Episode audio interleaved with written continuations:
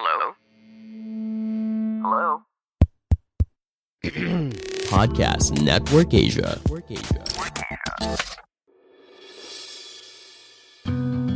Sekarang Stoikas ID telah didukung oleh Podcast Network Asia.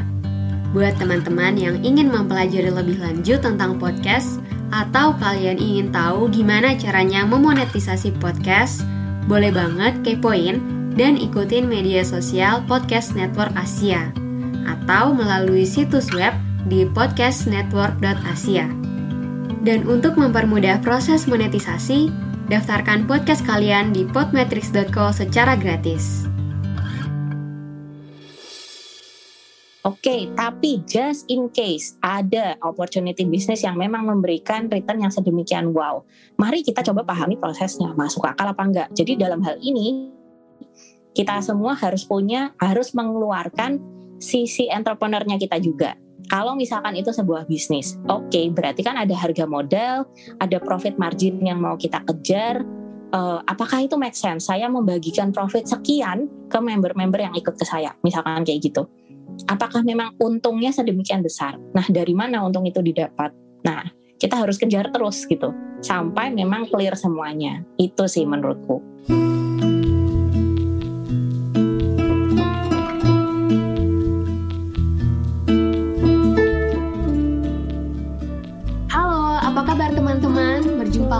dengan saya, Sita Putri, di episode terbaru Stoikas ID.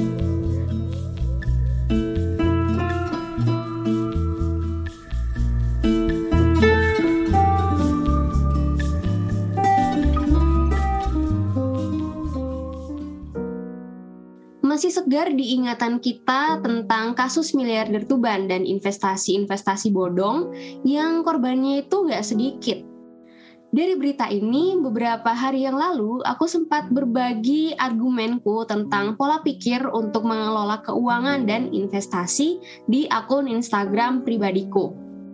Menurutku, hal yang paling penting dari mengelola keuangan adalah memiliki mindset yang tepat, yang sesuai tentang bagaimana kita memandang harta dan aset kita.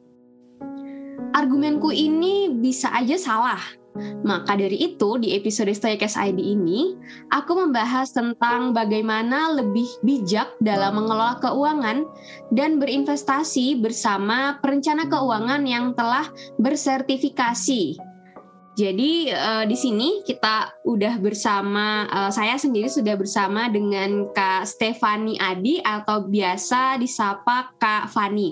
Halo Kak Fani, selamat datang di Stoikas ID. Halo, halo Sita, thank you sudah invite aku ke sini. Oke, sama-sama Kak. Nah, gimana nih Kak kabarnya hari ini? Baik, sehat-sehat semua. I hope Sita juga sehat ya. Amin, amin. Alhamdulillah ini sehat juga sih. Oke, uh, sebelum kita mulai nih bahas topik utama, um, boleh dong Kak kenalan dulu dengan pendengar Staycase ID agar teman-teman nih lebih tahu tentang Kak Fani. Oke, okay, thank you Sita buat intronya. Halo teman-teman, namaku Stefani Adi, biasa dipanggil Fani. Uh, saat ini aku sebagai Chief of Staff di salah satu startup dan aku juga Certified Financial Planner. Jadi sehari-hari sih aku biasanya di weekday aku mengerjakan pekerjaan kantor seperti biasa. Terus di weekend dan di waktu luang aku juga masih melanjutkan soal edukasi dan literasi finansial untuk uh, follower-follower aku dan mostly aku cukup aktif sih di Instagram di sosial media. Gitu sih ta. Oke, nih menarik nih ya. Kita punya uh, apa namanya bisa dibilang yang memang sudah lama berkecimpung dengan perencanaan keuangan gitu dan bersertifikasi intinya. Dan sebelum aku mulai obrolanku hari ini dengan Kak Fani, aku mau ingetin lagi nih teman-teman kalau menurut kalian podcast ini bermanfaat, jangan lupa berikan rating untuk Stoicast ID ya agar podcast ini bisa menjangkau lebih banyak pendengar yang ingin mempelajari tentang stoikisme.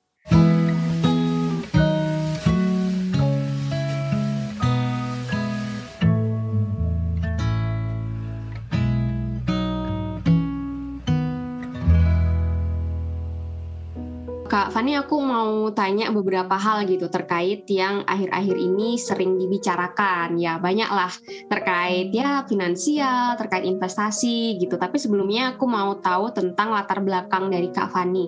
Udah berapa lama menekuni dunia finansial dan investasi dan apa sih motivasi dari Kak Fani sendiri gitu? Oke, thank you Sita buat pertanyaannya bagus banget nih. Jadi kalau aku sendiri sebenarnya menseriusi untuk dunia finansial ini sudah kurang lebih mungkin dua tahun ya. Dua tahun ini serius.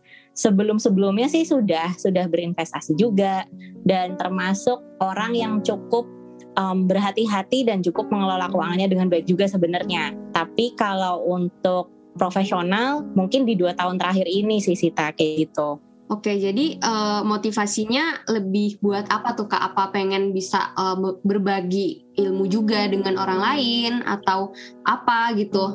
I see.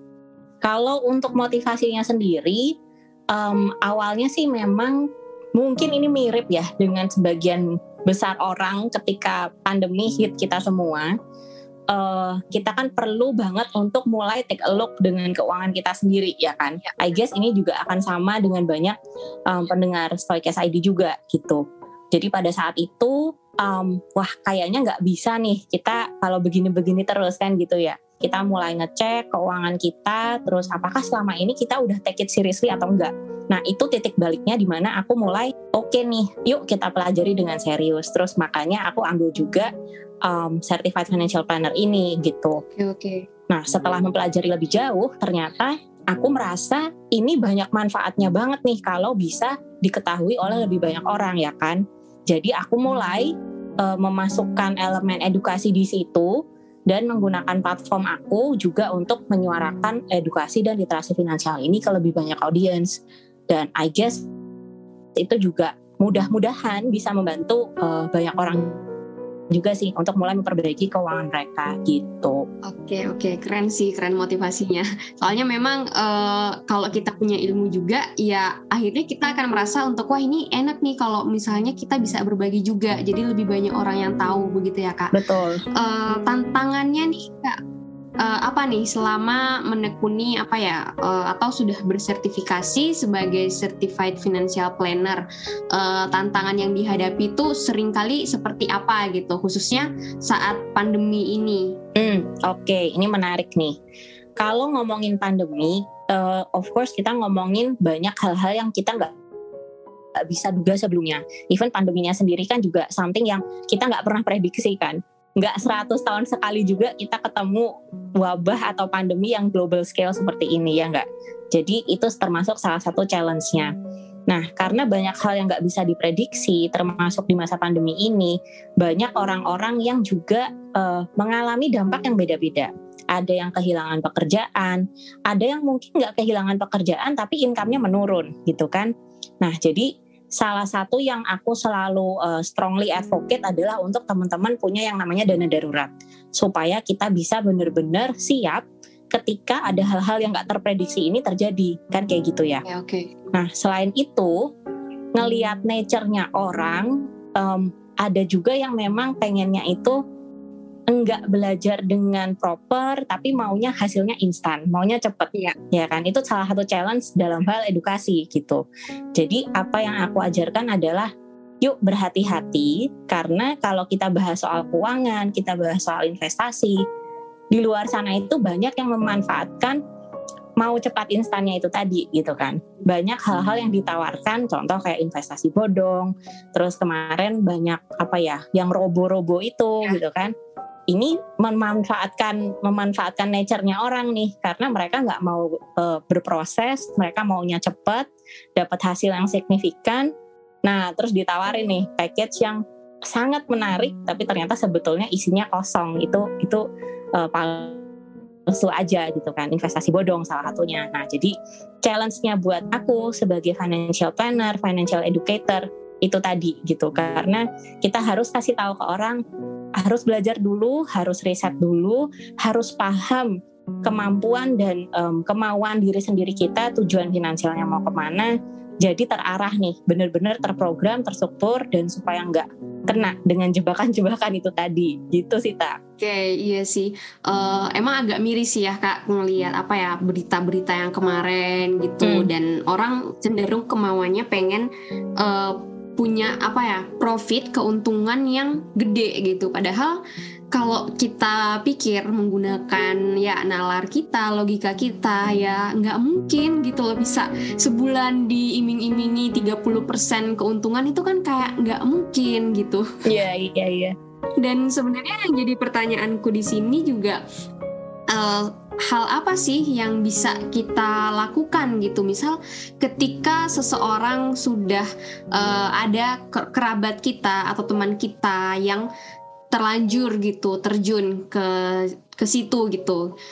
Posisi kita nih yang punya uh, apa ya keilmuan atau punya pengetahuan terkait hal itu bagaimana itu untuk biar mereka itu bisa paham gitu? Soalnya kan nggak mungkin tuh kita hanya bergantung dengan uh, orang-orang yang memiliki influence yang besar gitu untuk mengedukasi setidaknya kita kalau udah punya pengalaman atau pengetahuan sendiri yang walaupun nggak se-expert orang lain, kita bisa tuh memberitahukan ke mereka. Nah, itu bagaimana, Kak? I see. Jadi gini, kalau misalnya ada teman atau kerabat kita yang mungkin sudah terlanjur uh, terlibat di investasi bodong atau mungkin jadi korban, porsi yang bisa kita berikan adalah kita coba untuk educate. Nah, untuk ke depannya uh, kita harus menerapkan yang namanya first principle thinking. Oke. Okay first principle thinking itu gimana? Kita menerapkan logika karena di stoikisme kan kita juga bahas tentang logika kan, gimana caranya kita punya knowledge untuk membedakan mana yang real mana yang enggak hmm. gitu. Nah di sini yang mau aku maksud, ketika kita mau uh, berinvestasi misalnya, kita benar-benar harus paham investasi ini bagaimana cara menghasilkan profitnya seperti itu. Kalau misalnya uh, kita mengquote Warren Buffett gitu, Warren Buffett selalu bilang jangan berinvestasi di something yang kamu nggak ngerti. Ya. Nah di situ aku berasa itu benar banget gitu. Misalnya kita tiba-tiba dideketin sama orang yang menjanjikan saya bakal kasih kamu return misalnya kayak tadi yang saya bilang 30% loh per bulan akan saya kembalikan nanti modal berikut bunganya setiap bulannya kayak gitu kan um, coba kita hitung lagi. Oke, okay, dia bisa kasih kita 30% per bulan. Dalam setahun berarti kali 12, 360%. Oke, okay, bisnis seperti apa yang bisa menghasilkan profit 360% untuk membernya? Ini baru membernya loh, belum prinsipalnya, belum si um, apa pemiliknya gitu kan. Dia pasti juga mau untung kan. Nah, berarti kan profit yang dihasilkan harus lebih besar lagi dari itu kira-kira kalau bisa dijelaskan dengan baik and it makes sense kalau itu masuk akal penjelasannya oke okay, kita mungkin baru bisa menerima. Tapi biasanya mereka akan mengedistract kita dengan istilah-istilah teknis yang susah dipahami gitu kan. Ya. makanya kemarin kan dikemas dengan oh ini robot trading nih. Oh ini um, apa ya dengan sistem-sistem atau bahasa teknis yang orang awam mungkin nggak gitu ngerti dan akhirnya udah tenang aja percaya aja ini udah pernah terbukti kok kan gitu iya, biasanya. Yeah, yeah. Nah karena hal-hal seperti itu lantas orang jadi silau gitu. Padahal kalau kita menerapkan yang tadi aku bilang first principle thinking, kita gali sampai ketemu benar-benar dengan jelas ini proses kerjanya gimana, cara dia menghasilkan profit bagaimana, apakah itu make sense atau enggak, sampai di titik di mana itu tidak bisa didebat lagi, undisputable. Nah, kalau udah sampai di titik seperti itu dan itu masuk akal, berarti itu boleh dilanjutkan, gitu kan? Nah, contoh yang undisputable itu gimana? Misalnya kita uh, mempelajari investasi yang sudah disediakan oleh pemerintah. Misalkan ada obligasi retail gitu. Oh, cara kerja obligasi retail seperti ini. Ternyata kita um, membeli lebar obligasi tersebut, kemudian dana yang dikumpulkan nanti untuk pembangunan dan sifatnya itu berupa pinjaman, di mana itu clear, nanti akan dijanjikan berupa kupon sekian dikirimkan setiap bulannya. Nah, itu kan jelas gitu. Dan ada penjaminnya, ya kan? Pemerintah yang menjamin, jadi itu super safe. Nah, jadi ketika kita bisa menerapkan hal-hal tadi sampai tidak bisa didebat lagi, nah ini baru aman nih, gitu. Nah, jadi orang-orang perlu untuk mengadopsi um, mental model atau cara berpikir seperti ini. Oke okay, oke, okay, I see I see. Nah sebenarnya kan tadi intinya itu uh, yang penting kita itu selain punya uh, menggunakan first principle thinking itu Berarti uh, kita juga harus punya kemauan dan keinginan untuk mencari tahu juga kan kak pengetahuan kayak kenapa nih kok robot trading misalnya kayak kemarin kok bisa sih dapat profit kita kan menggali terus gitu.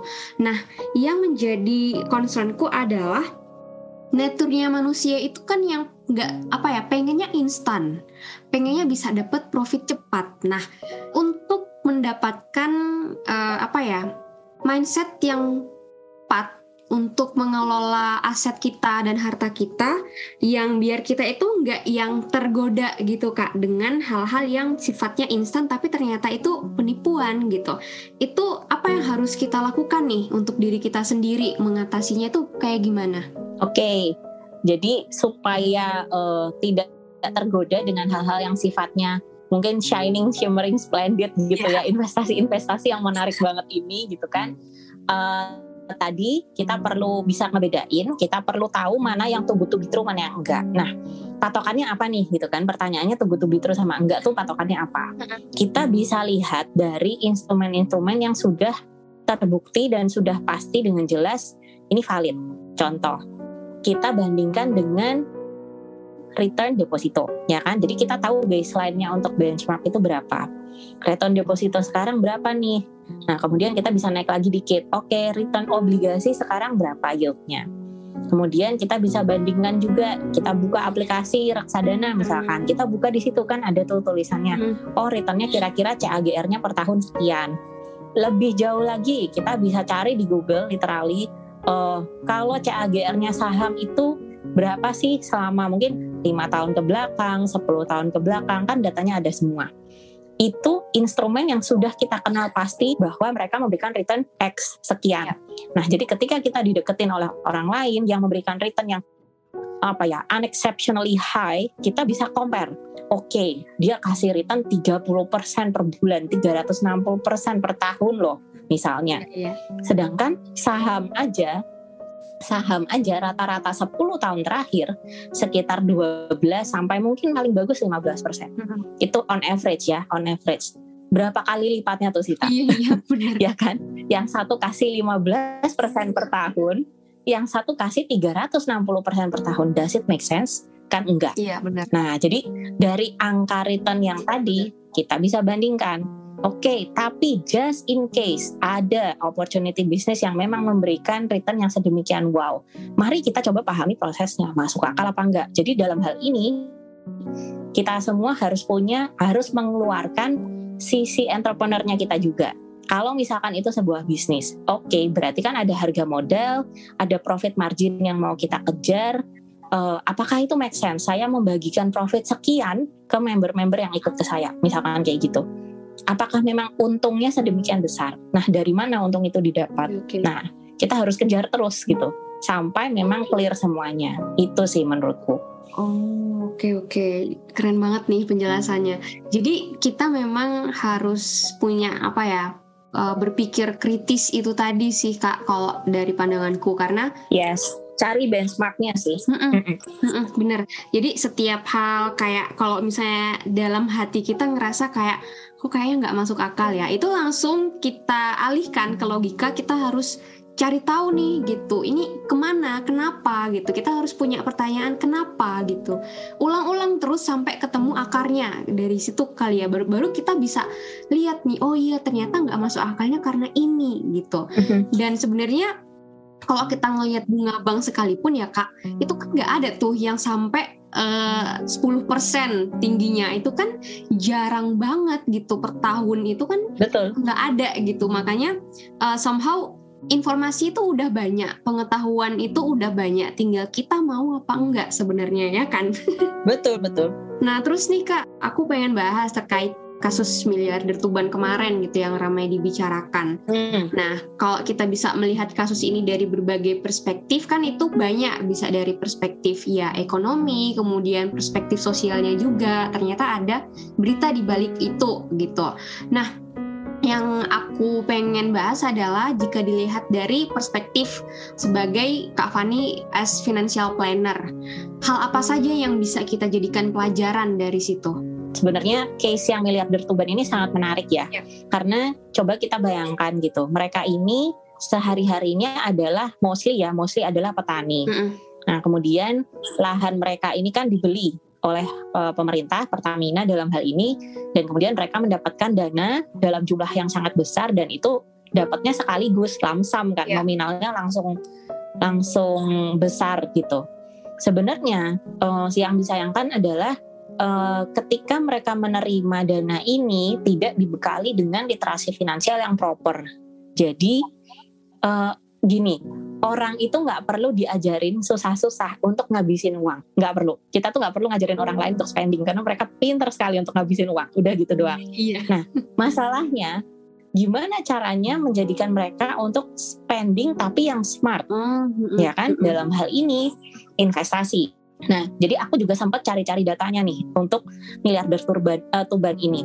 Kalau misalkan mereka eh, on average, on average itu mereka rata-rata dapatnya 8 miliar Sita. Wih. 8 miliar itu jumlah yang lumayan banyak. Yang tertinggi ada yang dapat 25 miliar lebih. Tapi at least dapat 8 M aja itu udah gede banget Iya, gitu. Literally untuk orang yang gaya hidupnya standar-standar aja ya. Misalkan nih, aku pakai hitung-hitungan ya. Kita pakai hitung-hitungan biar nggak asal ngawang aja nih. Misal Sita punya eh, lifestyle, punya pengeluaran bulanan adalah misalnya 10 juta per bulan. Ya, misal punya 10 juta per bulan. Kemudian kalau di setahun kan berarti kan setahun Sita punya expense itu 120 juta, ya kan? Nah, sekarang kalau kita ngomongin soal financial planning, tujuannya apa sih yang paling gede? Kita pengen financial freedom, kita pengen retire, kita pengen pensiun ya nggak? Iya. Nah, let's say kita mau pensiun nih gitu dengan gaya hidup yang tadi 120 juta setahun. Kita pakai rule yang simple aja deh. Kita pakai rule yang 4% rule. Ya, jadi dalam setahun kita cuman ambil 4% dan 4%-nya itu udah cukup buat gaya hidup kita. Mm-mm. Nah, berapa uang yang harus kita eh, investasikan untuk bisa dapat 4% per tahunnya tadi itu?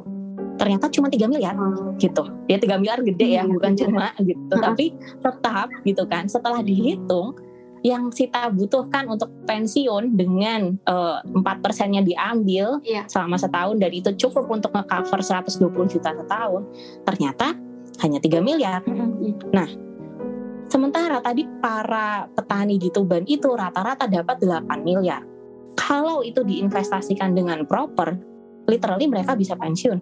Gitu. Masalahnya setelah kita cek-cek lagi, kebanyakan eh, mereka membelikan untuk hal-hal yang sifatnya malah nilainya menurun, ya kan? Ya, benar. Ada yang membelikan mobil, ada yang satu keluarga bahkan beli mobilnya empat, gitu kan? Iya. Nah, yang perlu kita tahu, mobil itu adalah investasi di mana nilainya terdepresiasi, nilainya menurun kan. Mobil kan kalau kita jual bekas, harganya bukannya naik gitu, harganya malah turun kan gitu ya, karena sudah dipakai. Ya.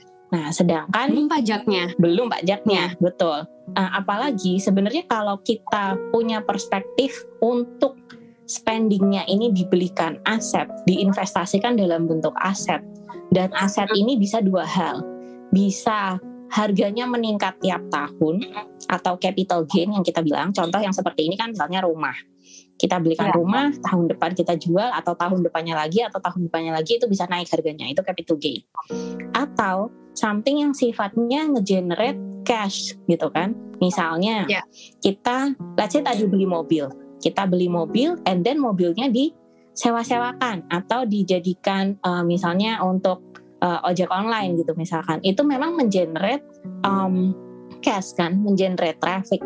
Ya. Nah, jadi ini yang perlu kita cari gitu. Kalau memang mereka membelikan dananya tadi untuk hal-hal yang sifatnya berupa aset dan bisa memproduksi cash, nge-generate cash lagi dan tiap tahun nilai asetnya tersebut juga meningkat, itu bakal bagus. Nah, kenyataannya mungkin mereka tidak menghabiskan uangnya untuk itu, gitu kan? Oke. Jadi ini yang jadi masalah gitu untuk mereka seperti itu. Oh, oke oke, I see, I see.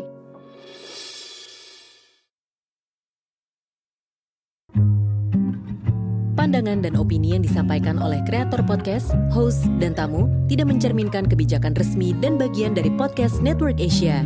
Setiap konten yang disampaikan mereka di dalam podcast adalah opini mereka sendiri dan tidak bermaksud untuk merugikan agama, grup etnik, perkumpulan, organisasi, perusahaan, perorangan, atau siapa pun dan apa pun.